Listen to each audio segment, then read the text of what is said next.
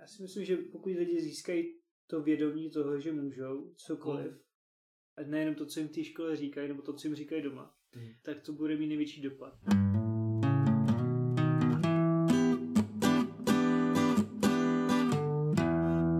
Ahoj všem, díky, že jste zapnuli Tryon Podcast. Já jsem Matěj Faltus a je mi velkým potěšením, že v našem dnešním dílu mohu přivítat člověka, který není neznámý. Naopak, všiml si ho totiž nejedno tuzemské médium. Přednáší, inspiruje, pomáhá a především vytváří podnikavé Česko. Naším dnešním hostem je Martin Vítek. Ahoj Martine. Ahoj Matěj. První tradiční otázka Tran podcastu. Jak se stalo, že jsi podnikavý? To je dobrá otázka. To si myslím, že za to můžou moji nejspíš rodiče, a kteří, kteří jsou sami ve, velmi podnikaví a vlastně nutili mě už od začátku přemýšlet takovým způsobem, abych se byl jednoho dne krásného byl, být třeba schopný postarat sám o sebe. A nebo abych dokázal prostě, jestli mě něco štve, tak to prostě změním.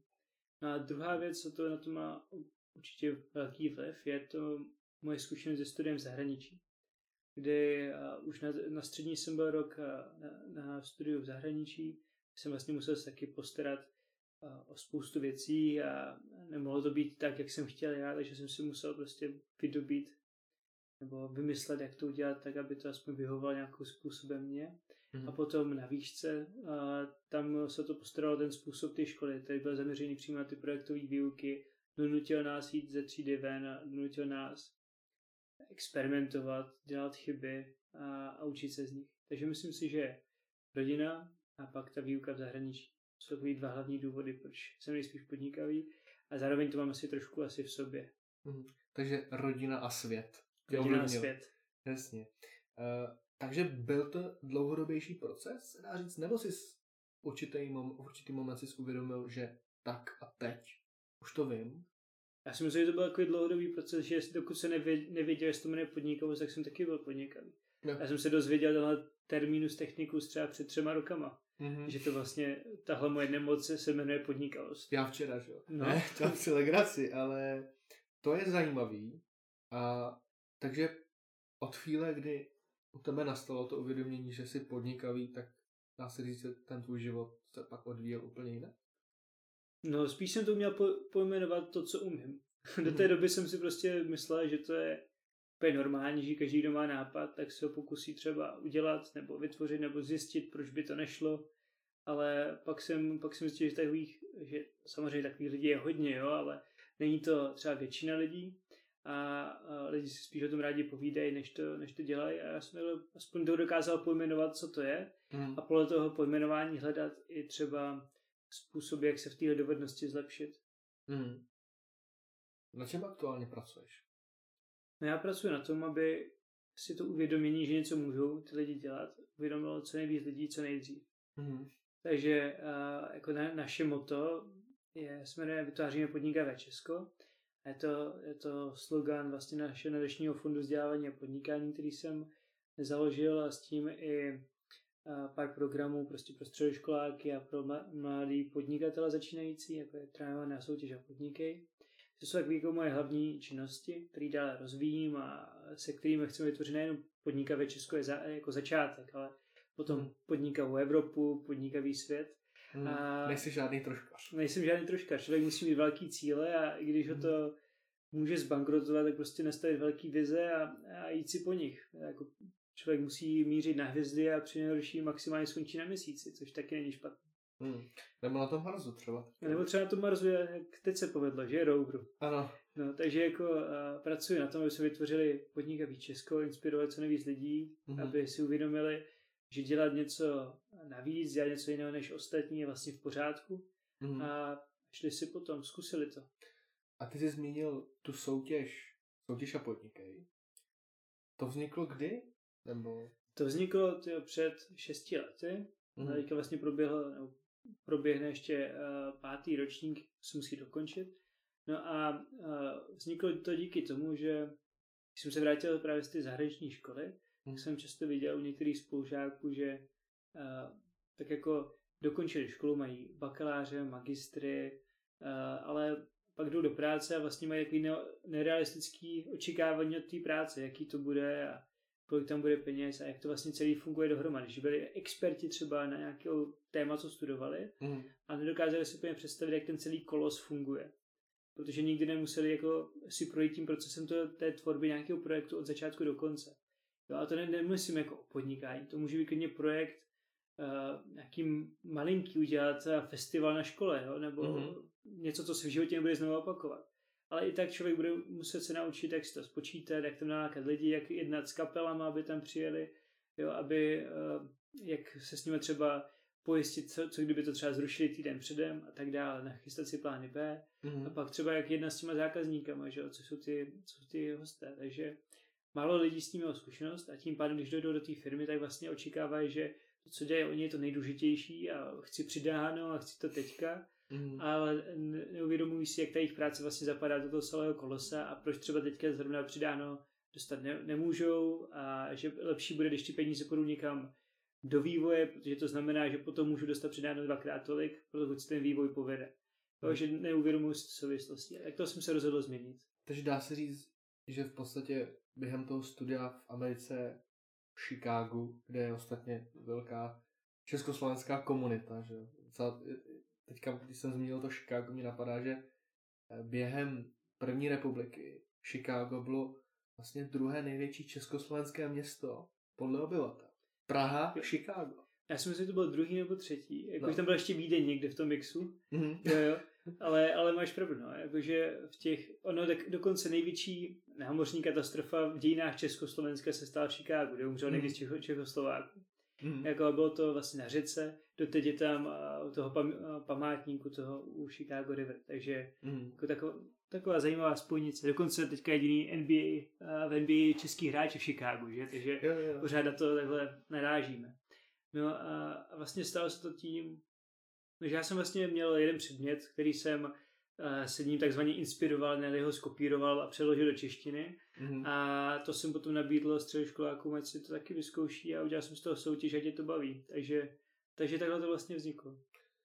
A, takže trošku se dá říct, když jsme mluvili o tom Chicagu, že se, ta, že se vlastně tak trošku vracel domů, že? protože já teda nevím, kolik těch spolužáků byli Češi a Slováci, ale asi třeba nějaký byly, ne? Nebo ne, vůbec, jako já si myslím, že na té celé škole byly třeba tři. Jo, takhle. Jo, takže jako... A nebavili se mezi sebou, že jo? Neznali se, jako já jsem potkal... Vůbec nevěděli, že jsou...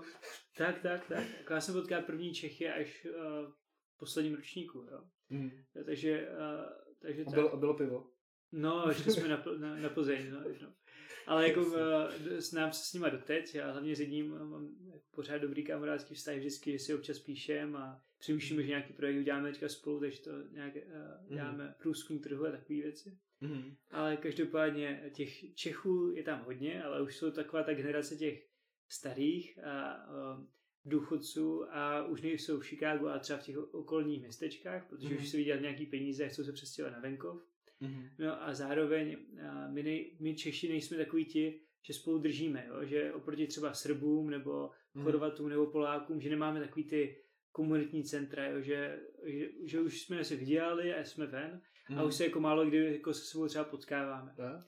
Naproti třeba těm Polákům, kteří mají obří centra, obří festivaly, nebo Chorvatům, kteří mají vlastní čtyři kostely, kde se každý týden potkávají a prostě slaví tam, mm. povídají si spolu a udržují tu komunitu. I když třeba v Chorvatsku nikdy nebyli, nebo tam jezdí třeba doteď jednou za rok. Mm. No ale co je zajímavé v Chicagu, že tam je uh, celá čtvrť, co se jmenuje Plzeň, Pilzen, mm. a ta byla původně česká v těch, na začátku toho 20. století. Mm. A každý v podstatě Čech, co emigroval přes Ellis Island do New Yorku, tak si tam napsal adresu jako v Chicagu v té Plzni. Mm. Takže teďka třeba moje babička našla, že nějakým 1913 nebo tak nějak emigroval její prapra dědeček a právě přes ten Ellis Island, že bydlela v Chicagu, přímo na té, myslím, že 13. ulici, což je třetí ulice v tom Plznu, přímo u Dvořák, Antonín Dvořák Park. Takže to bylo takový... Takže bydlel Dvořáka. Takže no, bydlel Dvořák. Jak si to mě nap- eh, zaujalo, jak jsi říkal, ty české komunity, nedávno jsem viděl zajímavý, kom- zajímavý dokument o české komunitě, myslím, že to bylo v Argentíně. A obecně se říká, že, nebo ministerstvo zahraničí předpokládá, že vlastně mimo území České republiky je ještě jedna Česká republika. 10 milionů potomků těchto těch Čechů, potažmo Slováků. A docela mě překvapilo, že třeba eh, v té Argentíně opravdu se, sice už třeba někteří ty potomci nemluví česky, tak uh, furt spolu nějak drží a uh, vždycky tam přijede někdo zahrát tu cymbálovku, Jo, jo. což je krásný. Tak jako já jsem to možná přednal, no, v tom Chicagu samotném je 50 skupin, jako 50 krajinských skupin. Mm-hmm. Že jsou všichni tak jako úzce zaměřené, že mají třeba jednu věc za rok. Jo, mají třeba tam United Moravian Society. Jo, a ti Mhm. mají prostě jeden, jak říkáš, sbírají kroje a jednou za rok si dělají takový prostě cymbál. Jo, tam. Jo, a nebo je tam jako, nebo je tam super tam česká škola, takže ty děcka těch lidí jsou už třeba neumí ani Češi, a jsou to třeba čtvrtá generace, ale pořád třeba pradědečník byl Čech, Mm. tak se můžu naučit ty takový ty základy, že umí pozdravit, objednat si pivo, dát si, Mhm. dát si guláš prostě a říct, jak se kdo má, jaký je počasí. Mm. Jo, nebo tam pošlou svoje děti právě do, na, na ten cymbal, ať si naučí je na housle a podobně. Mm. Tam česká knihovna. Ale není to přímo v tom Chicagu, takový jako roztroušený všude okolo, Aha. že pokud člověk jako nemá auto, tak tam jako si těžko dostává. Aha, aha. Takže v podstatě v tom samotném jako městu, v tom Chicagu už to je strašně málo. Mm. Jak by se ty sám definoval? Co ti myslíš? Uh, mám tím na mysli to, jak to ty pochopíš. Tu otázku. tak to jsi mi teda pomohl. Uh, jak bych se definoval? No, to je těžký. Já totiž sám, sám nevím. Já, já, si, já si nemyslím, že jsem podnikatel, já si nemyslím, že jsem nějaký filantrop, já si myslím, že jsem jenom prostě obyčejný člověk, tvořivý, co chce Mm. něco změnit, co si dokáže nastavit vizi a motivovat lidi k tomu, aby to udělali. Mm. Já rozhodně nejsem podle mě ještě úspěšný, že jsem v podstatě ještě nic nedokázal. Mm. A trošku mě, trošku mám taky úchylku v tom, že jsem se často porovnával s ostatními lidmi, co se snažím na sobě zlepšovat, abych to nedělal. Mm. Takže, takže uh, si myslím, že jsem v podstatě pořád loser na začátku, co se snaží měnit český školství Mm. a občas mu to jde, občas mu to nejde. Jasně, jako vlastně nám všem v životě taky něco jde, něco nejde. Jasně, ty jsi zmínil předtím, že vlastně pro tebe velmi důležitá byla v začátcích ta rodina, která ti dala ty vlohy možná k tomu nějak podnikat nebo nějak se realizovat. Do jaké míry je třeba i důležitý pro tebe ten tvůj kraj, odkud jsi? Protože my jsme neřekli, že ty jsi vlastně rodá ze Zlínska, z Baťovského Zlínska. Jak je pro tebe důležitý to, to místo? Jako já si myslím, že to ta rodina je pro mě důležitá do té, oni jako podporují vlastně to, co, to, co dělám, že takže mm. nikdy se mi nesnažil odradit od těch věcí, co chci dělat, což Mm. jako ne každý má. Mm. No a co se týče toho Zlína, tak zase ta rodina mi pořád spala knížky o Baťovi, že jo, a, a, o, o Hanzelkovi, o Zikmundovi a tyhle prostě rodácích ze Zlínska. Mm. A člověk, když projde tím Zlínem, tak si uvědomí, že vlastně tam nebýt Bati, to vlastně Mhm. celý postavil, tak by to nebylo nic. To, ta, to město by mělo možná 10 tisíc lidí. A hlavním městem Zlínského kraje by nebylo uh, Zlín, ale Uherské hradiště a nejmenovalo by se to Zlínský kraj, protože historický centrum je v Hradišti. Mm. Jako Zlín je v podstatě jenom velká nudle, která je posetá továrnama, co postavil Baťa a, do, a baťovskýma domkama. A teď doufej, že nás neposlouchá někdo ze Zlínska. Ne, však já jsem ze Zlína. To každý uzná. Jako a právě to, uh, to nebýt, nebýt toho Bati, tak tam vlastně Mhm. teďka je vesnice. Aha. Jo? Takže tam na tebe dýchá to, že cokoliv je možný. I jako obyčejný Mhm. švec prostě z díry udělat z toho město, který prostě se potom uh, reprodukuje po celém světě a nastavíš tomu takovou vizi, že to Mhm. funguje i, po, i 100 let potom, co ty umřeš.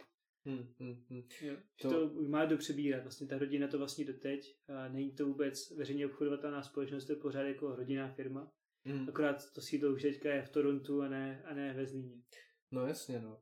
E, možná bych řekl posluchačům, kdo nebyl e, na Zlínsku se podívat, ať se tam jde podívat. Ne kvůli tomu, že by tam potkal nějaký příšery, to ne. ale, jakože je to daleko od Prahy, že jo? Ne, dělám si legraci, ale že opravdu mě, mě osobně zaujalo velmi, jak na tom Zlínsku jsou otevřený lidi a zároveň neuvěřitelně činorodí. Jo, že, a to je možná to, že opravdu v České republice ať jde člověk kamkoliv, tak tam vždycky objeví něco, co ho vždycky strašně fascinuje. Tak pro mě třeba to Zlínsko bylo taky neuvěřitelně, neuvěřitelný objev, se dá říct. A co myslíš, Martine, jaká věc ti nejvíc odlišuje od ostatních? Ty Matěj, to nedáváš jednoduchý otázky. co mě nejvíc odlišuje od ostatních je, já si myslím, že, že já, že mě se v životě, to říkám takhle, mě se v životě všechno povedlo, Mhm. protože to, co se mi nepovedlo, se mi pořád povedlo nepovést. Takže tím pádem aspoň jsem se z toho něco naučil. Takže Hmm. když se mě někdo zeptá na můj největší, jak se jak oblíbeně říkat fuck up, nebo průšvih, nebo co jsem udělal, tak určitě se jich stalo spousta, jenže já to, já to vnímám to, že se mi to stalo jako úspěch, že se mi to stalo, protože jsem se z toho něco naučil. Je to lekce. Samozřejmě ještě jsem uh, nezbankrotoval, Mhm. ještě jsem, uh, uh, pořád ještě nemám děti, takže ještě můžu prostě i trošku riskovat. Mhm. Uh, ještě jsem nepřišel o nohu, nebo se mi nestal žádný úraz, jo, a nebyl jsem nějak vážně nemocný, takže jako takovéhle věci určitě Mhm. jako bych bral, že ne, že to neúspěch, ale že se mi stalo něco hrozného, z čeho jsem se musel prostě vyhrabat. Mhm. A ten zbytek jsou prostě takový strandy, že co tě nezabije, to tě posílí. Mhm. A jde to o to, aby člověk prostě na takový ty základní věci, co řekne, jako tak to myslí, a dodrží to, co slíbí. A když ne, tak to dokáže prostě komunikovat zavčasu. Mhm. No a, pokud tohle dělá, nikomu si nedělá nějaký zlo nebo se ho nesnaží podvést, tak i to, co se prostě nepovede, tak je to v pořádku, protože ne všechno se v životě povede. Takže tohle mě podle mě, tohle podle mě něco, to, to vnímání, to přemýšlení v tom, že, že vlastně uh, jsem nezažil neúspěch kvůli tomu, že i to, co se nepovedlo, je pro mě úspěch. Mhm. Takže jsem si ten typ člověka, který se v úzovkách ze všeho poučí. No, to bych, to bych chtěl, aby Mhm. to tak bylo. Snažím se o to, ale neříkám, že se to vždycky stane. Mhm. Mhm. Dobře. Eh, Kdo tě nejvíc inspiruje? Nejvíc mě inspiruje. No, ten Baťa, že jo, to je prostě neskutečný, co on dokázal. A je to takový, že prostě je, je kam růst a že se to dá dokázat.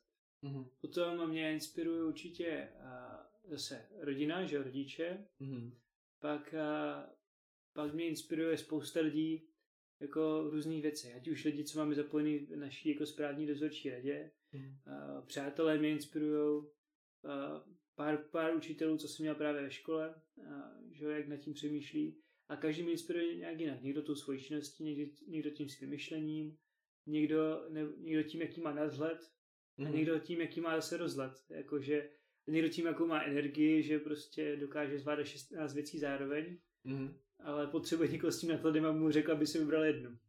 Takže pro tebe je to taková mozaika. Mozaika lidí. Jo. A vždycky, když... Jako nemám jednoho člověka, který by řekl, že to je on. Jo? Mhm. vždycky eh, se snažím od, každého, s kým se bavím a je úplně jedno, co dělá, se podívat na to z jeho pohledu a naučit se z toho něco.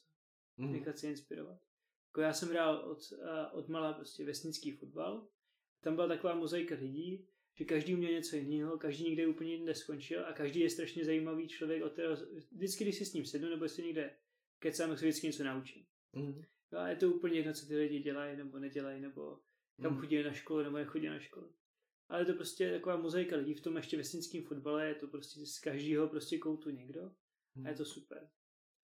Přišlo ti vždycky neuvěřitelně, nebo takhle, mně vždycky přišlo neuvěřitelně pozoruhodný, když jsem seděl třeba s nějakým starším člověkem, který mu bylo, já nevím, když mě bylo 10, tak pro mě starší člověk už byl třeba tady 20 lety, jo, ale pro mě i teďka je pozoruhodný, když sedím třeba s 60 ten člověk mi takzvaně jako nechá nahlídnout do vlastního života a třeba ti umožní se podívat i na některé jeho trápení.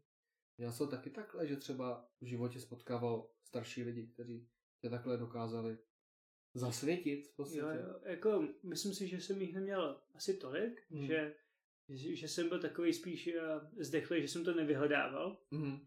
jo. Ale určitě se mi to děje a většinou to trápení, když mi někdo řekne, tak Mhm. hnedka okamžitě přemýšlím, jak ho vyřešit. Mhm. No, občas mě to napadne, že tak s tím, s tím uh, řeším, jdu za tím člověkem, ale samozřejmě pochopím, že, uh, že to není tak jednoduché, jak jsem si představoval, že. A o tom nevím nic, ten člověk se v tom trápení žije, já nevím, třeba pár let Mhm. a já jako přijdu za měsíc s tím, že jsem mu jako heurek a vyřešil to, co, to, co potřebuje. No, takže tak to většinou nefunguje, ale mám takový nastavení, že když slyším nějaký problém, tak se okamžitě přemýšlím, jak jako vyřešit, jak by, se, jak by se z toho tomu člověku vydalo pomoct. A možná proto ani jsem tolik lidí jako těch zkušených vyhledával, nebo možná proto mi to tolik lidí neříká, že bych je potom otravoval s tím. Jo, takhle. že jak, jak už bych to dávno vyřešil třikrát. Rozumím. Čili dá se říct, že občas v životě potkáváš ne lidi, ale možná problémy, které se nedá řešit. Všechno se dá řešit. Všechno se dá řešit. Všechno se dá řešit. Já myslím, že všechno je to o tom nastavení toho člověka, že, že prostě eh, o energii a o, mysli, o nastavení mysli toho člověka. Někteří třeba to řešení znají, ale už, už, už prostě na to nemají energii, aby to, aby to dělali a nechali to tak jen tak dohnít. Jo? A někteří, někteří zase eh, mají tu energii, ale těch řešení je pět a mhm. nedokážou se třeba rozhodnout pro to jedno z nich a tak zkouší tak jako od každého trochu. Mm. No a potom jsou ti, co dokážou si vybrat jedno, co jim dobře poradí a třeba to zrovna nebylo to pravý. Mm. Takže já si myslím, že všechno má řešení, většinou to vyjde a jenom o tom nastavení toho člověka, jako v jaký pozici nebo fázi nebo jaký módu v jaký módu se nachází mm. a jak se k tomu postaví. Mm. Být nebo mít? No já jsem příklad toho, že toho moc nemám, takže spíš být. takže já spíš, já spíš mám ty, ty zážitky a, mm. a tu neskutečnou realitu, v jakým žiju, než abych toho měl nějak hodně. Mm. Jaký největší problém vnímáš v České republice? Mm. Já si myslím, že to je nedostatečné sebevědomí lidí prezentovat svoje závěry a nápady. Proč právě tohle? No, protože aby Česko bylo konkurenceschopné i do budoucna mm-hmm. a v době, kdy uh, každý člověk prostě bude měnit svoji práci co pět let, protože budou nové technologie, co ho budou jako robota prostě odstraňovat, tak je důležité, aby se lidi naučili přemýšlet nad tím, jak toho robota můžou sestrojit, než aby tím robotem byli. Mm-hmm. A to nemyslím tím, aby uměli kódovat uh, technologie, aby se třeba zapřemýšleli nad tím, kam toho robota vložit, aby to bylo efektivnější, nebo jak vyřešit nějaký problém. Myslím si, že v Česku je neskutečné množství schopných vzdělaných lidí, kteří nemají, sebevědomí, nemají takové sebevědomí, aby řekli, že v tomhle já jsem nejlepší, anebo tohle já umím dobře prezentovat, nebo tady tohle je moje silná stránka, nebo uh, že přijdou za šéfem a řeknou, tohle děláme blbě a já bych tady tohle dokázal udělat líp, prosím, nechte mi to udělat, pane šéf. Mm. Jo, ten šéf samozřejmě, pokud je to vůl, tak může se, se ohradit, že co si to dovoluješ, no ale pokud uh, to je normální člověk, tak se tím zapřemýšlí a, a třeba tomu dá šanci. Jo, ale že škola nás neučí dělat vlastní projekty, vlastní závěry, nenaučí nás prezentovat před ostatními, ale učí mm. nás si pamatovat. Takže každý z nás a. máme super faktu. Memorovat. Me- memorovat, umíme fakta, umíme vyplňovat testy, umíme tyhle všechny věci a umíme dobře poslouchat, ale hmm. neumíme, škola nás nenaučí vést a škola nás nenaučí mít sebevědomí, prezentovat a vzít do ruku zodpovědnost za hmm. projekt, za sebe, za ostatní, hmm. a za tu firmu třeba, nebo za tu svoji vůbec práci v té firmě. Že hmm. nás naučí spíš vymlouvat, proč jsem zapomněl domácí úkol, než uh, říct prostě, že ho nemám a vzít to. Hmm. Slyšel jsi někdy takovou paralelu, že se říká, že Česká republika, Česko že je to vlastně takový hobbytín, že ono to vychází z toho, říkal to nějaký sociální antropolog, že vlastně Česká republika je jeden z mála států na světě, který se během, během tisíce let se jeho hranice neměnily. Jo, že od toho 9. 10. století od svatého Václava ta česká populace vlastně žije furt v tom stejném území. Což ten antropolog říkal, že může být jakožto vysvětlení mnoha věcí. Proč třeba ten český člověk není tak mobilní jako třeba Polák nebo Slovák. Mm-hmm. Nebo vůbec, proč ten, jaký je vztah toho Čecha k třeba k té krajině. K té krajině, k okolí, že? protože když si vzpomeneš na ty hobity, oni vlastně byli jako velmi spokojení a zároveň nespokojení. Mm. Oni vlastně měli rádi to ticho, ten klídek. Že? Klídek je slovo zdrobněné na slovo klid. V ostatních jazycích to nenajdeš. Hmm. To je jenom v češtině. Slovo klídek. Jo? Jako z toho jazyka se dá poznat hrozně moc. Takže jestli, jestli to není v tom, Víš, že... Já si myslím, to je zajímavé, jsem ještě neslyšel, Hmm. Ale může to tak klidně být, protože si člověk vezme, že ti Poláci Hmm. vlastně mají stát vlastní poslední, že jo, 60 let od konce druhé světové války. Ano. Předtím měli jako eh, před válkou třeba, a nevím, kolik to bylo, 30 let nebo 20 let mezi válkama, že jo, 18 až 39, takže 20 let. Přesně tak. No a předtím vlastně byli součástí buď to ruský, ruského impéria, nebo německého impéria, anebo někoho jiného. Chvíli tam bylo nějaký království, asi po 200 let, ale jako Proti... oproti... Polsku vlastně neexistovalo 123 let. No přesně. Jako, rozděleno mezi tři zábory. No. no takže jako ti Poláci vlastně mají výhodu v tom, Hmm. že teďka teprve jsou super nacionalisti, to nevím, jestli je výhoda nebo nevýhoda, jako že jsou strašně hrdí na tu svoji zemi, protože ji Hmm. dlouho neměli, Hmm. ale eh, na, na druhou stranu se, jsou všude na světě. Já jsem nebyl v místě, kde by nebyl Hmm. Polák. No jasně. Jako i v tom Chicagu, jako je milion Poláků. No jasně. Nebo jako těch lidí, co, co jsou původně Poláci. Hmm. No, takže a všichni pořád ještě mluví polsky, takže když potkáš i Američan, co se v životě jako nebyl v Polsku, tak si s tebou aspoň pár slov jako polsky řekne. No jasně. Jo, co když to podá na, na rozdíl s těma Čechama, tak tam už Hmm. téměř neumí nikdo nic a ještě si k tomu mo- moc krát neznají. Hmm. Jo, takže uh, je to zajímavý. A jestli třeba řeknu i ti Němci, že uh, taky mají ty hranice velmi dlouho stejný, ale taky ten stát vznikl až v 19. století jako Německo, že předtím to bylo takový spoustu království a Státu městských. stát, No, městských států Ano. a bylo to vlastně se skupení jako germánských uh, Aha. kmenů, že jo, takže to taky nebylo, že my jsme Češi. To my Hmm. vlastně v tom Česku máme, že my jsme pořád Češi a byla jenom Velká Morava předtím chvíli. No. Jo, takže pořád, my jsme pořád to České království samozřejmě připisal takhle, druhý se trošku to rozfoukl, Přesně. Pak to chvíli skončilo. nám krále. Nám krále. nám krát. Ne, ale Hmm. to je zajímavý, no. Jsme Hmm. taková krajinka. Jo, jo, ale nezapomínejme na to, že eh, nakonec celou středozem zachránili, zachránili právě hobiti, že jo? dva- přesně tak, hobiti, takže um, je možný, že Česká republika ještě se hraje velkou roli No, v současné, v současné geopolitice. Já si myslím, že ti dva hobiti tady v Česku někde se schovávají a čekají na to, až za nimi přijde Gandalf s prstenem. Jako. Jo, žijou právě u Brna jsou, no. No, u Brna. Jo, Zasekli se, D1. Přesně, dej víc, se zasekli a putujou teďka směrem na sever, no. Tak, tak. Uh, chtěl bych se tě zeptat, jaký knížky tě nejvíc formovaly? Hmm. Jako já teďka už poslední dobou moc nečtu. A je to z čistým mílenosti. Já si vždycky vezmu knížku takhle do tramvaje, přečtu tam 10 stránek a pak zase měsíc teďka v době covidu nejedu tramvají. Mm-hmm. Takže teďka toho moc nečtu. Ale a, a myslím si, že knížky, co mě nejvíc formovaly, budou určitě uh, ty memoáry od toho Batě, jak jsem říkal, ty, Hmm. ty citáty toho Batě a podobný. Pak jsem pak jsem četl spoustu, eh, když jsem byl malý, takový ty krvavé historie, jo? že krvavé Hmm. dějiny, nebo jsme takový prostě v komisech popsaný vždycky na 120 stránkách Mm-hmm. a nějaký dějiny nějakého státu nebo nějaký války, nebo takže by mě strašně bavila dějiny a historie a zeměpis Mm-hmm. a z toho jsem vždycky byl na nějakých těch dějpisných olympiádech, zeměpisných olympiádách. Částečně jsem se udal z výuky a částečně se mi tam aj dařilo, to bylo fajn. Ty jo, perfektní. No ale, ale jinak jako knížky, jako že bych řekl jednu knížku, že tam mi změnila život, tak to určitě nemám. Mm-hmm. A máš takový eh, knížky, protože já jsem se na to nedávno vzpomněl, že opravdu jsem dětství četl třeba nějaký knížky, které pro mě byly natolik silný a do dneška jsou, že já dneska nemůžu otevřít. Protože já bych se zpátky dostal nostalgicky do dětství a vyvolalo by to ve mně strašně silný pocit a toho já se vlastně bojím. Máš něco takového, že bys jako měl Hmm. knížku, já nevím, Dášenku od Karla Ševka prostě. To bohužel nemám. Jako, jediné, co si pamatuju za ty knížky, jsou ty krvavé dějiny. To, to se mi strašně líbilo, protože to bylo vtipně napsané a, Jo, a jsem se z toho něco naučil.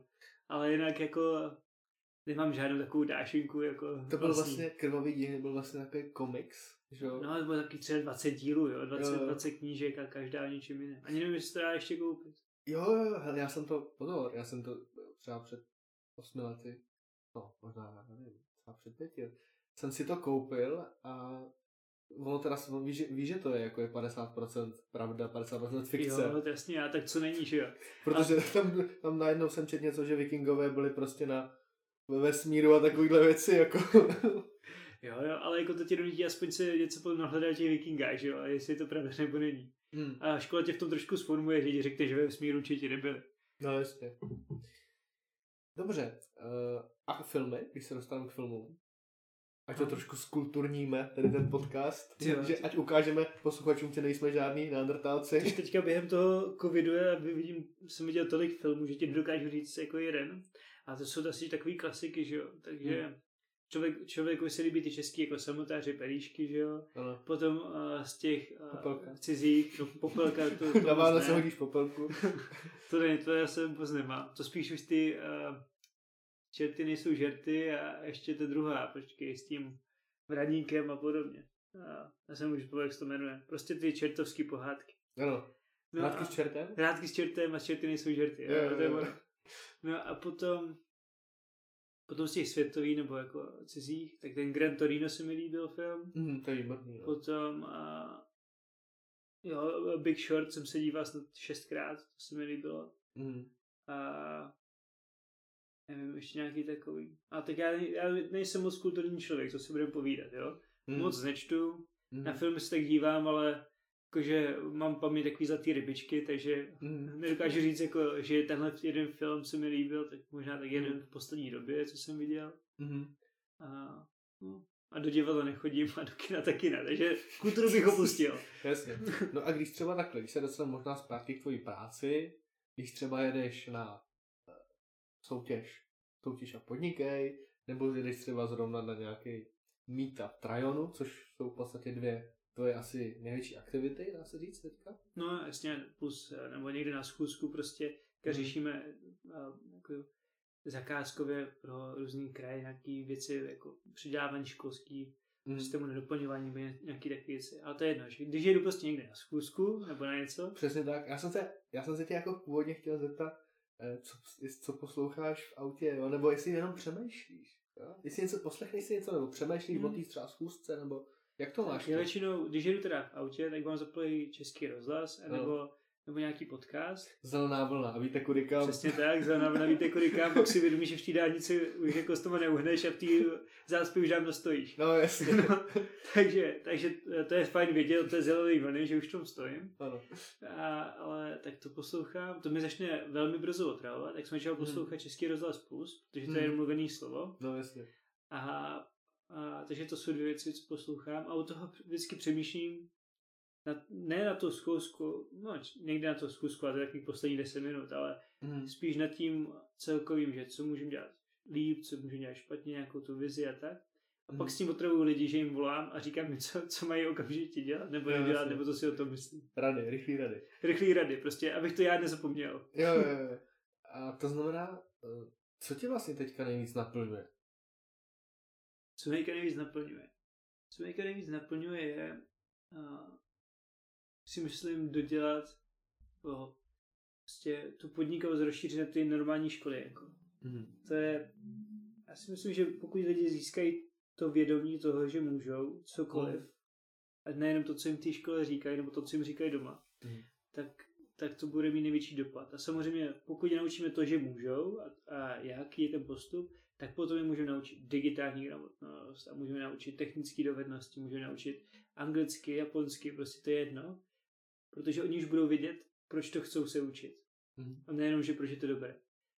Když si člověk někdo uvědomí to, že může být antropolog, když chodí na obchodní akademii, a že k tomu se Hmm. musí naučit třeba dobře francouzsky, protože tam je nejlepší škola na antropologii, třeba, nevím, jestli to pravda, Mhm. tak už se mu lépe bude učit že jo, francouzsky, už bude vědět proč, bude vědět, proč si třeba Mhm. má naučit digitální gramotnost, aby si ověřoval informace, bude vůbec vědět, co to je antropologie, což na, to každý určitě vědět nebude že na té škole, protože když chodíš na GIMPO, tak máš takové čtyři možnosti, co ti říkají lidi, že můžeš dělat. Jasně. Ekonom, právník, doktor a strojař, nějaký technik. A popelář ještě. A, po, a populář to máš na základce.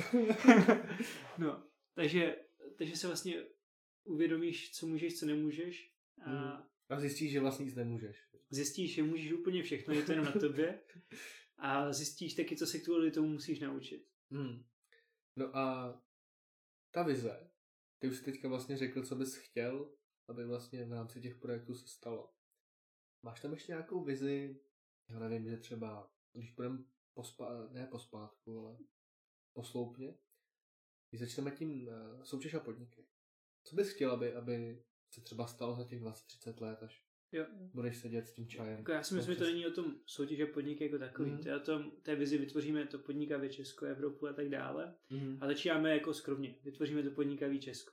Ano. A proto, aby jsme to vytvořili, tak musíme udělat pár takových programů, které jsou, Hmm. které na sobě na, na jako vzájemně navazují a zároveň se doplňují a jsou ne- nedílnou součástí toho řešení. Mhm. No a první z těch věcí, co jsme vytvořili, bylo jako soutěž a podniky, což jsme dali dohromady nějakou metodiku, postupně Hmm. k tomu tvoříme nějakou technologii a je to možnost pro ty jedny z nejaktivnějších studentů v té republice, co jsou na střední škole, eh, je to možnost zářit a ukázat se a fakticky si vyzkoušet, co to znamená, nejen o tom povídat, ale fakticky to udělat. Vytvořit z nápadu podnikatelský záměr a zkusit ho rozjet. Takže to je soutěž a podniky. To je takový jako 2% středoš- středoškolské populace v Česku o tom přemýšlí, ty dělají něco navíc a z toho třeba půl, eh, z toho třeba 1% jako se do toho zapojí. Takže celkově, když máme 200 studentů, tak takovýhle aktivních, co by chtěli rozjet svůj vlastní nápad, je v Česku kolem 200. No a to je ze 400 tisíc studentů 0,05%. Což je jako krásný, jde to krásně vidět. promile, viď, asi. No, to je to už teď mi daleko. ale to je, strašně, to je strašně krásný, ale je to strašně malý číslo, takže to je takový spíš inspirativní příběh pro ostatní. Protože ta- Každý z těch absolventů dokáže ovlivnit třeba dalších pět lidí kolem sebe. Mhm. Takže my potřebujeme dostat se ještě o krok blíž, a aby jsme dokázali efektu, afektovat třeba 50% středoškolské populace. A to je udělat to ještě jednodušší pro ty středoškolské studenty, aby, aby dokázali přemýšlet tím, že můžou něco prezentovat ve škole, že můžou něco vytvořit, že můžou Mhm. řediteli eh, dobře ospravedlnit, proč chcou mít ve škole fotbálek Mhm. a proč by měl být zadarmo a proč, eh, a proč by tam měl mít kulišníkový stůl nebo nějaký místo na čtení. Mhm. No a kvůli tomu vlastně teďka tvoříme nějakou technologii, která vychází právě ze zkušenosti soutěž a podniky a z, taky z průzkumu, který jsme vytvořili, to má asi 1300 o, středoškoláků to vyplnilo, aby jsme zjistili, jaký jsou jejich motivátory, proč čeho se bojí a tyhle věci dokázali do toho zakomponovat a zároveň jim vysvětlit, že vlastně není čeho se bát. Hmm. Ty, to, to, to, to bude velmi asi zajímavý souhrn dat, který potom získáte z těch dotazníků? Jako a, právě proto já si potřebuju pomoc s tou technologií, protože já jsem takový, co tomu moc nerozumí. A naštěstí mám kolem sebe lidi, co tomu rozumí. Takže mi říkají, co všechno je možné, jak ty data využívat, jak eh, dle toho taky zlepšovat uh, ten samotný program, aby, aby to víc sedělo těm samotným uh, studentům, aby se tam vlastně aby se to do budoucna dalo uspůsobit tomu, že někdo studuje danou školu, že, pro Gimple Mhm. ten bude řešit něco jiného, než ten člověk na té obchodce versus ten člověk na tom učení oboru. Mhm. Takže aby se to dalo uspořádávat. No. Takže to je taková, tak jsme to zatím pracovní název kvalifikace. Mhm. Pak je to soutěž a podniky a pak na to navazuje Tryon, což je ta komunita těch lidí, co už uspěli třeba v tom soutěž a podniky nebo nějaký v jiných podobných soutěžích Mhm. a už fakticky něco dělají navíc a už chcou jako udržovat ten plamen a učit se od těch dalších. Takže jak jdeme od Hmm. toho nejširšího přes ty malé kroky až po tu eh, top, prostě Takže vlastně elitu. Takový trichtýř se dá říct, Takový trichtýřek. trichtýřek a najednou tam zbydou i ti nejlepší, Tak, že? tak.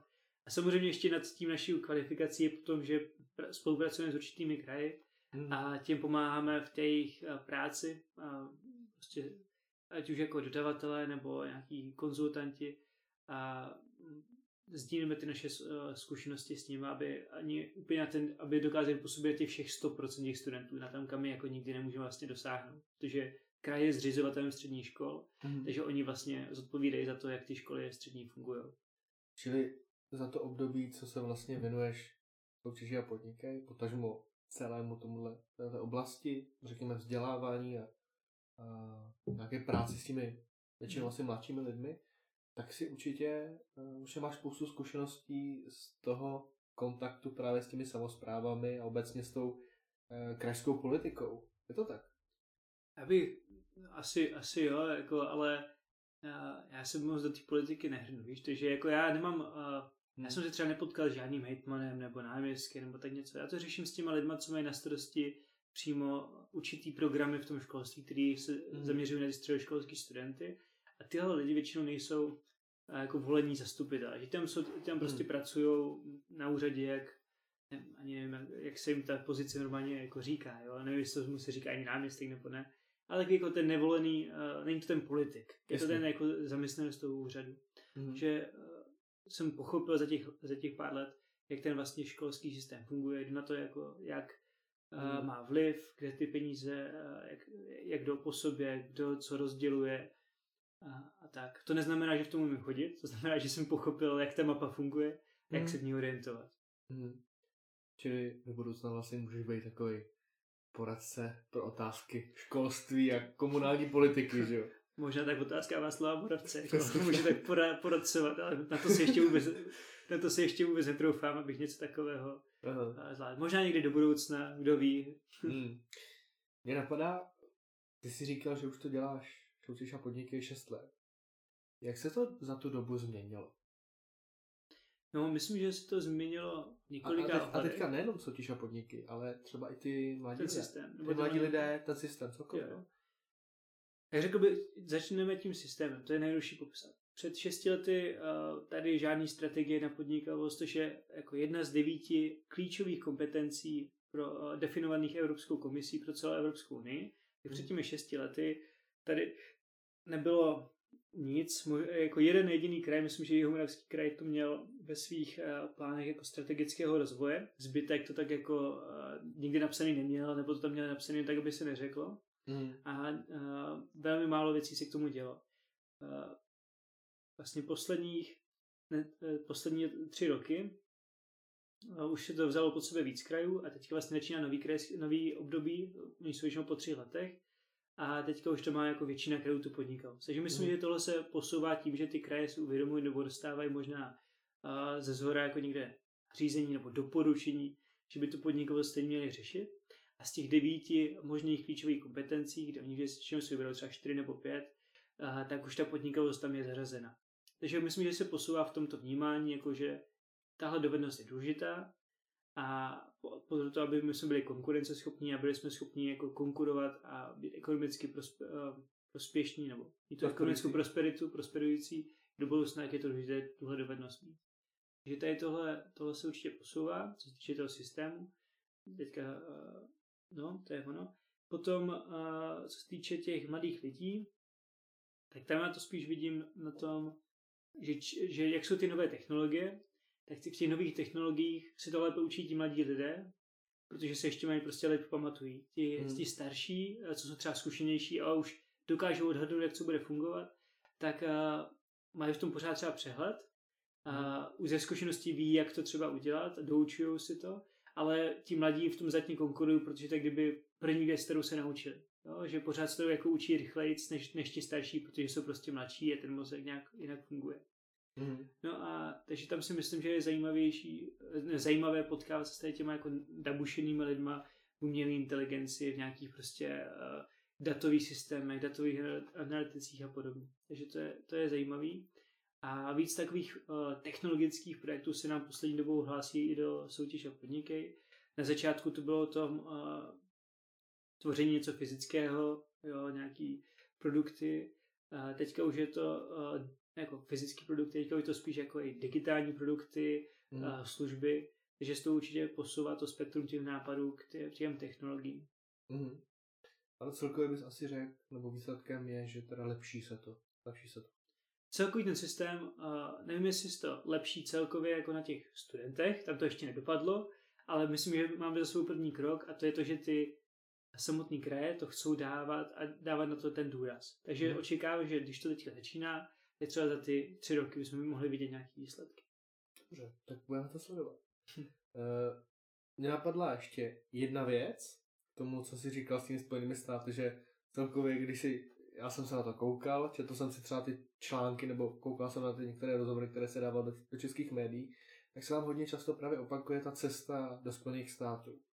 A je potřeba říct, že ty jsi tam vlastně nejenom uh, získal to poznání a ten uh, možná na, ten názor na život na svět, ale ty jsi tam vlastně potkal svou přítelkyni, ne? No, no. Přesně tak, já jsem vlastně potkal přítelkyni, s kterou jsme 6 let, už to, už to je chvíle. A hlavně jsem potkal taky její rodinu a nes, Mhm. nesmírně jako inspirující rodiče. Oni vlastně, Hmm. a její mamka je z Valašského Meziříčí a vlastně Mhm. emigrovala do státu v 80. letech. Měla u sebe prostě 50 dolarů, jo. Hmm. A z toho dokázala vybičovat jako, mně to připadá jak impérium, kde Hmm. má šest dětí má prostě uh, nějaký nemovitosti, má několik funkčních biznesů a doteď to prostě spravuje. Postupně to na ty svoje děti jako uh, jim přidává každému to, co všem je dobré. Mm. Mně to připadá jako neuvěřitelný příběh jako toho American Dream, kde mm. prostě uteču z nesvobody, jako z komunistické země, mám u sebe prostě těch 50-100 dolarů a hmm. dokážu z toho vybičovat takový leser. No? Mm. Takže uh, neskutečný. No a takže to je, to je jako, jsem jenom chtěl pochválit budoucí tchýni. Yes. Ale uh, v podstatě uh, je, to, je to strašně inspirující příběh. Hmm. No a potom uh, s přítelkyní, ano, to jsem si přivezl, importoval jsem ji zpátky do Česka, ale ona vlastně Češka je, ona je napůl američanka, napůl Češka, právě po mamce má český hmm. pas. Hmm. A teďka tady se mnou, myslím, že už to bude dva roky, no dva roky pracuje tam, kde teďka pracuje, a takže dva a půl roku už tady, tady, tady je. To je krásný příběh. Víš, že Masaryk měl taky američanku? No jo, možná se taky budu muset změnit jméno. Martin Wilson Vítek. No to je, to zní hůř jak Tomáš Gerek Masaryk. No, no. TGM je pořád lepší než M2TVB. no, no. Takže v tobě se vlastně, můžeme říct, zračí příběh Tomáše Masaryka, zároveň tam máš Komenskýho, Škola hrou, a nakonec tam přibyl ten Palacký, že Ty jo, to, to mě strašně děsíš, to, jsou takový, to, to bych se ani nedovolil říct, takový, ale, ale děkuju za to. Dobře. Děkuju za to. Dobře. Tak to by zase nedostli pérka. Zase jsem se vyšplá na hrušku, něco víš. Teďka uh, možná méně formální otázky, když předtím. No to nevím, jestli bylo formální. Nie pokračuj. Uh, co tě teďka, a nechám na tobě, co rozumíš pod tím pojmem teď, nejvíc fascinuje? Teďka nejvíc fascinuje jako za prvé, za prvé asi taková uh, ta technologie, prostě jak to pokračuje a jak vlastně já už já, když kolem sebe ty inovativní lidi mám, tak to nestíhám vůbec sledovat, co se děje. Mm. A, a vůbec nezávidím těm lidem, co kolem sebe ty technologie nemají, protože ti z toho musí být úplně pav. Jo? A vlastně jenom pochopit, nebo otázka, jestli, jestli to vůbec já chci chápat, jestli je prostě, jak se říká, nevědom, nebo ignorance is bliss, prostě, já nevím, jak se to řekne česky, jako nevědomost je dar v podstatě, to můžeme vlastně netrápit tyhle věci. Mm-hmm. Takže, jestli, jestli, takže to je jedna věc, ta technologie to pokračuje, ať už od toho, že jako trakturek přistává na Marsu, anebo že budeme mm. stavět uh, na měsíci základnu, nebo že můžeme analyzovat miliony dat během jedné sekundy a zjistit, co lidi, koho lidi budou volit a jak je ovlivnit. Prostě jak si hrajeme s lidským myšlením, aniž bychom to, možná to chce, někteří chcou, jo, ale aniž bychom domysleli, jaký to bude mít dopady. Mm. A zase na druhou stranu mě fascinuje, fascinuje jak zaměřujeme na to veliké a to malé, nebo to blízko nám uniká, jo? že sice budeme znát polovinu vesmíru, mm. ale nebudeme znát, jak funguje náš vlastní oceán. Jo? Hmm. Že vůbec nemáme proskoumaný jako no oceánu, protože to vlastně těžší, než vyletět do vesmíru. Kvůli těm tlakům, jaký tam jsou. Takže jako vem si, že víc lidí bylo na měsíci než v Mariánském příkopu. Jo, to samé, to máš to samé s pralesama, že my je dřív zničíme, než je poznáme. Hmm. A, a podobně. Takže mě fascinuje to, jak se upínáme ty velké vize, co určitě nejsou jednoduché, ale jsou takové ty vzdálené. Je to, ale kašlem na to, co máme tady doma. Jo? Mm. Že je to takové, jak když se stane jak když se stane někde zemětřesení, jo, a někde v Nepálu třeba, a všichni se spojí a posíláme tam peníze, ale pak se stane uh, prostě něco, něco nějakému jako konkrétnímu člověkovi v Česku a ten tolik peněz jako tolik solidarity nezbudí, protože tady u nás, a my si každý dokážeme představit, čím asi prochází, a že mm. řekneme, tak to se s tím vyrovná sám, to si zvládne. Mm. Jo, a já neříkám, že ani jedno je špatně nebo dobře, jenom mě fascinuje, jak nad tím ti lidi vlastně přemýšlí, že líp se nám mm. daruje někomu s konkrétní tváří, ale strašně daleko, protože to není náš v podstatě problém a řek, říkáme mu, ať se z toho vyhrabe. A to, co je tady jako v Česku, tak uh, v podstatě mu přispíváme s tím trošku, že to by mohlo být i náš problém. Jo? Že, mm. že nás to na, nás možná působí trošku jinak. To je zajímavé, co říkáš, protože připomíná mi to jednu knížku, kterou jsem čet my jsme těm posluchačům tak něco doporučili, nějakou četbu, jo? To se rovně nedočtu. Ale četl jsem knížku, která se jmenuje Domov a Dálava a ta přesně popisuje to, co jsi tady teďka řekl. Že domov pro nás úplně znamená něco jiného než ta dálava, Dálova je samozřejmě starotěžský slovo, prostě to, co je dál. Jo, že ten vztah je, no nic, přečtete si to, ať si to lidi radši přečtou. Dobře, takže to je pro tebe teďka to největší téma, který vlastně tak jako řešíš. Ne, myslím největší téma, spíš mě to jako fascinuje. Jo, že Hmm. prostě pořád dáváme důraz na to, aby jsme dobře přistáli na, mě, na Marsu, Hmm. na měsíci postavili uh, za strašný bambiliony nějakou základnu, což nás Hmm. určitě posune dopředu, jenom kvůli tomu, že to je velká výzva a kvůli tomu spoustu věcí vznikne.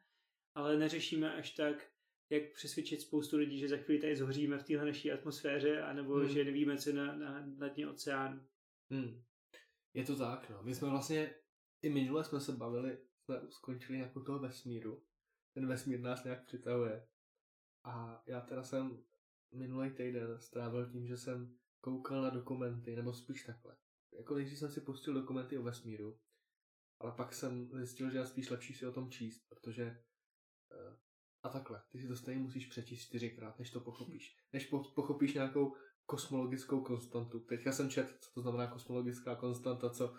Jo, jo. To jsem, Neil deGrasse Tyson, no to má super knížku, Jo. to jsem teda četl. Tak Je to- doporuč, doporuč. Ale já jsem jak se jmenuje. Takže nejde se od Neil deGrasse Tyson nějaký prostě základy tadyhle kosmologie. Mhm. Přesně jak říkáš, já jsem tu první kapitolu musel pře- přeložit asi pětkrát, Jo, jo, aby vůbec pochopil, o co jde a abych řekl pravdu, vím z toho teďka už jenom koncepty po roce, jo? že už by to, Mhm. že kosmologická konstanta tam určitě byla, co Ano. to je, ale už netuším, co to je. No, no, no, no. Ale právě pak jsem koukal i nějaký samozřejmě, můžeme jako lidem doporučit, co nás poslouchají, spousta samozřejmě přednášek od obrovských kapacit na YouTube. Jo, že hodina a půl přednáška výborná o vzniku a vývoji vesmíru. Jsem byl úplně z toho konsternovaný. Jsem vůbec jako, víš, jak, eh, jak člověk nemá určitý informace. Jo, já, jsem si, já si pamatuju, že někdy ve středoškolské, ve středoškolské fyzice jsme došli někam k nějakým, nějaký termodynamice, a nějaký mechanice. Ale k tomuhle jsme se vůbec nedostali. Je to tak strašně zajímavý. Když sleduješ, koukáš, že teďka vědci před, já nevím, šesti lety zveřejnili poslední nějaký snímek toho, jak by skutečně mohl vypadat vesmír. Na základě nějakého reliktního záření, který ti zobrazuje, jak vesmír vypadal třeba před uh, 13 miliardama let. Mhm. Neuvěřitelný objevy současné vědy a techniky. Jako já si myslím, ještě abych, neha, nehažme to na tu školu, jo? tam musíš mít ty základy, co to No, mechanika, termodynamika, abys mohl Hmm. být fascinován tím, jak funguje vesmír. Hmm. Ale souhlasím s tebou, že vlastně neskutečné, že všechno, co vidíme, je vlastně minulost. No, Protože jako my jenom stíháme to, to světlo, to, tu speed of light, že jo? rychlost světla, Ano.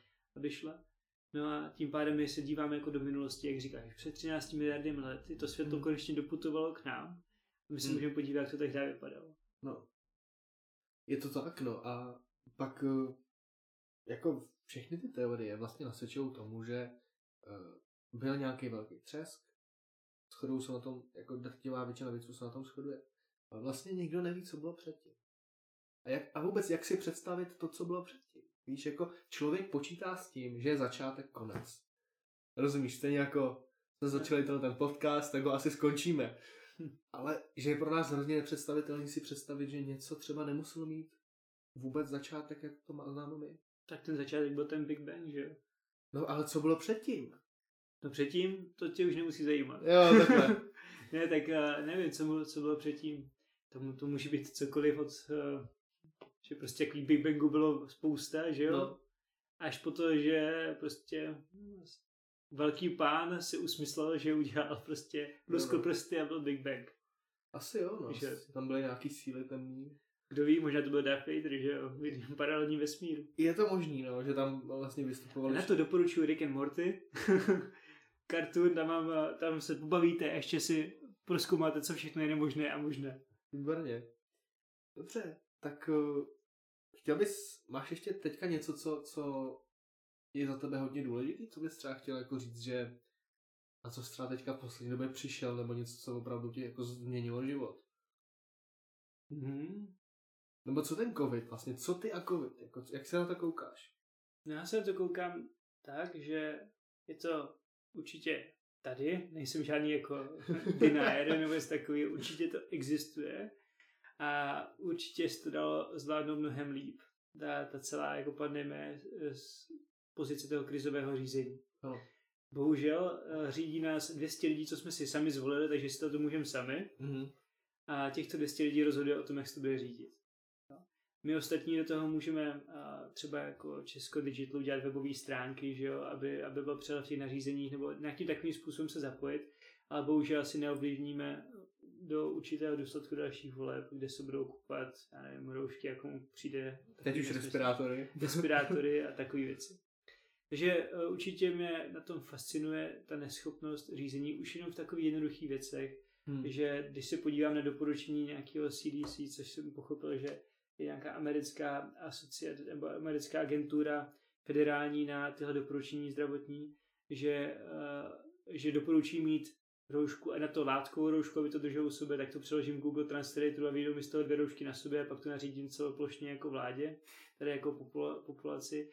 To je třeba špatně to bych čekal, že na takovém orgánu jako ministerstvo zdravotnictví si aspoň bude někdo domí anglicky a ty dvě hmm. věty si přeloží sám, nebo na to potřeba Google Translator. A třeba mu to přijde divný, že to takhle asi nebylo myšleno a selským rozumem si to vydedikuje. Hmm. Že myslím, že nám tady v Česku, COVID ukázal, že v Česku nám na nejvyšších místech chybí selský rozum hmm. a že všichni to je jenom o tom, že si, uh, je to o tom, abych já profitoval, ne aby o tom, uh, abych vládl. Vlastně od politici jsou, jako, je to ze slova, že slouží. Oni slouží tomu, sloužím lidu zní hrozně jako retrospektivně, jo? ale oni fakticky mají sloužit těm lidem, co je zvolili. Jo? Protože oni jsou naši zaměstnanci Hmm. A, nemají, a nemají říkat prostě něco, že tak nebo tak. Jako, jo. Oni jsou naši zaměstnanci a mají vlastně si chovat tak, my jsme jejich zákazníci taky. A my jsme jich chovat tak, aby ti jejich zákazníci a byli co nejspokojenější. Jo. A ne kvůli tomu, zákazník často neví, co chce. Takže ne, že si pořád budu dělat marketingový průzkumy, hmm. ale já musím uspokojit zákazníka tím mým produktem, který dělám, který prostě na začátku nemusí být příjemný a na konci se bude dostane pět hvězdiček, že Hmm. Nebo pokud prostě ne, uh, dělám něco nepříjemného, tak to musím vyargumentovat, proč je to teďka nepříjemné. Hmm. A ne protože mi to marketingový průzkum řekl a jak v Maďarsku třeba si nechali hlasovat, jestli budou uh, plošná nařízení nebo nebudou plošná zařízení. A pak to premiér řekne, vy jste si to odhlasovali, tak to tak bude. No, to je prostě špatně. Takže myslím, že COVID nám ukázal, že eh, v Evropě a celkově i na světě chybí morální politické autority. Hmm. A to, že to je jedna věc. Protože není ke komu aspirovat nebo není ke komu se olížit, že, že to bych takhle chtěl dělat. No, hmm. když je pár zemí, kde tady to zvládli strašně dobře, tak jsou tak malé, marginální, že o nich jako ty, hmm. ty obyčejní lidi vůbec neví. Jo? Třeba skandinávské země nebo Nový Zéland a tak dále. Nebo Singapur se říká, že to hodně dobře zvládnu. Takže myslím si, že COVID ukázal, když si k tomu dostanu konečně k tomu bodu, že, hmm. že nám chybí tady nějaký morální velké autority, který nepřichází ani z těch tradičních, jako je třeba Spojené státy, hmm. ke kterému často lidi jako zlížejí, eh, tak tam se to jako během Trumpa vůbec nedělo, hmm. uvidíme, jak to, jak to bude. Británie, tak tam ty mají problémy sami ze sebou, že jo, hmm. s Brexitem a taky jsou to takový spíš populisti. Francie, tak ta lítá od, od A k B a zpátky, takže tam taky neví, kdo se co děje. Hmm. Angela byla taková jedna z posledních, které jako lidi dokázali, ať už měli rádi nebo ne, tak aspoň věděli, že tam bude 20 let a že neudělá nic jako žádnou takovou, hmm. řekl bych, jako prasárnu nebo něco takového, takže mohli k ní zlížet, ale už ta už taky jde pryč. Ano. Jo, a zbyli nám jenom uh, Babiš, Orbán a, a podobní. No, to je pesimistická vize trochu. Není to vize, ty, ty, Takže... to není vize, ty jsi to, co jsme se naučili. Jo, jo ano, ano. To, to, jsme se, to jsme zjistili. Takže... Moje vize je, že budou teďka všude volby a že lidi se z toho poučí hmm. a už to třeba nevyhrajou tihle populisti. Protože ví, no. že po dvou letech pandemie populismus nikam nevede. Hmm. Takže pokud nás poslouchá nějaký politik, chovejte se slušně, platíme si vás. ne, tak uh, určitě, ale já nechci říkat všichni, ale spousta těch politiků se určitě slušně chová. Jako zase ne, nemůžeme to generalizovat. Ano. A co přijde potom? Co se stane po covidu? Potupa. potopa. a po covidu přijde potopa. No tak jako, no, tak jako i odpovídá, že jo? Protože teďka hmm. vyčerpáme strašné peníze na, hmm. na covid, všichni se zadlužíme, ty peníze budou se muset nějak buď to splácet nebo vyzmizíkovat. Hmm. A následně uh, bude muset řešit i mnohem větší krizi, což je to globální oteplování. Hmm. No a pokud jako nevyřešíme globální oteplování, tak přijdou ty ohně a potopa. Mm. No a potom, pokud se nám to podaří vyřešit, tak budeme muset eh, řešit, co s lidma, mm. kteří přes, přijdou o práci kvůli strojům a kvůli technologii. Mm. Protože bude čím dál víc lidí a už nebudeme moc uměle zaměstnávat víc úředníků. Ty Hmm. baráky nebudou nafukovací, že budeme muset vymyslet nový vlastně sociální systém, jak lidi budou získávat peníze, No. jaké služby a za co, když nebudou vlastně ani schopni, ne, že oni nebudou schopni, ale prostě práce nebude, protože za, jedno, No. za deset lidí to udělá jeden stroj. A bude to levnější do, do budoucna si koupit ten stroj. Takže pokud nás teďka poslouchá nějaký robot, roboti, chovejte se k nám slušně. Já se Platíme bojím, si vás. já se bojím, že to dopadne jak v historii, eh, když eh, bylo nějaký to, a, vždycky byl nějaký velký, a třeba pro průmyslová revoluce, že jo, No. zebral. Takže co první bylo, tak lidi byli naštvaní a ti, co tam zaměstnali, začali ty roboty rozbíjet. Ano. To samé se bude dít tady. Jako, já nemám, Hmm. nemám nějakou naději o tom, že jsme se za 200 let nějakým způsobem jako lidský druh posunuli Hmm. blíže. Prostě Hmm. první impuls je, že to mi zebralo práci, hm, tak to rozbiju a mám práci zpátky. Že? Hmm. Takže jako podle mě tohle se bude dít znova a znova, že bude takový Hmm. jako... Já myslím, že máme před sebou jako neuvěřitelně zajímavý čas. Neuvěřitelně zajímavý asi století. Možná budeme čelit mnoha výzvám, ale na jednu stranu to, co asi je neodiskutovatelné- neodiskutovatelný, že pro lidský druh to bude možná stěžení století, ve kterém se ukáže, jestli, jestli, jestli ještě jsme lidi, anebo jestli už jsme nějaký stroje, čísla a to a to a to To století plný výzev a zase na druhou stranu proti tomu minulému, tak už měli za, druhou, za sebou první světovou válku, že jo. No jasně. Tady prostě teďka tady jako řešíme svoji první světovou válku. Tady řešíme zatím jenom covid. Tady Zatím to- jenom covid. Tady to máme jako covid zatím, jako je naše válka první. Dobře. Do století. No tak pojďme to, Martine, nějak eh, pozitivně zakončit, to dnešní povídání. Máme spoustu, před sebou spoustu výzev, Mhm. která je jedna větší než druhá a je na čem pracovat. Je co vymýšlet, je co inovovat, je co, Mhm. je co řešit. Kdy to je skvělý. Tak pojďme se do toho spojit, spoustu těchto super chytrých lidí. Mhm. Myslím, že společně to dokážeme. Stačí nechtít, stačí si jenom uvědomit, že to můžeme vyřešit. A jakmile si uvědomit, že to můžeme vyřešit, tak jakoukoliv vizi, eh, výzvu vyřešíme. Tak, Ať už to je covid, globální oteplování, anebo rozbíjení strojů, protože nám bude do práce. tak, výborný. Martine, díky moc za dnešní povídání. Myslím, že to bylo velmi hezký. Já, jsem se, já osobně jsem se o tobě dozvěděl zase strašně moc nových zajímavých informací. Tak děkuji Matěji za pozvání do Trial podcastu a těším se na další host. Posluchačům samozřejmě děkujeme za pozornost a budeme moc rádi, pokud nám i nadále zachováte přízeň a my se uslyšíme zase příště s dalším zajímavým hostem. Ahoj.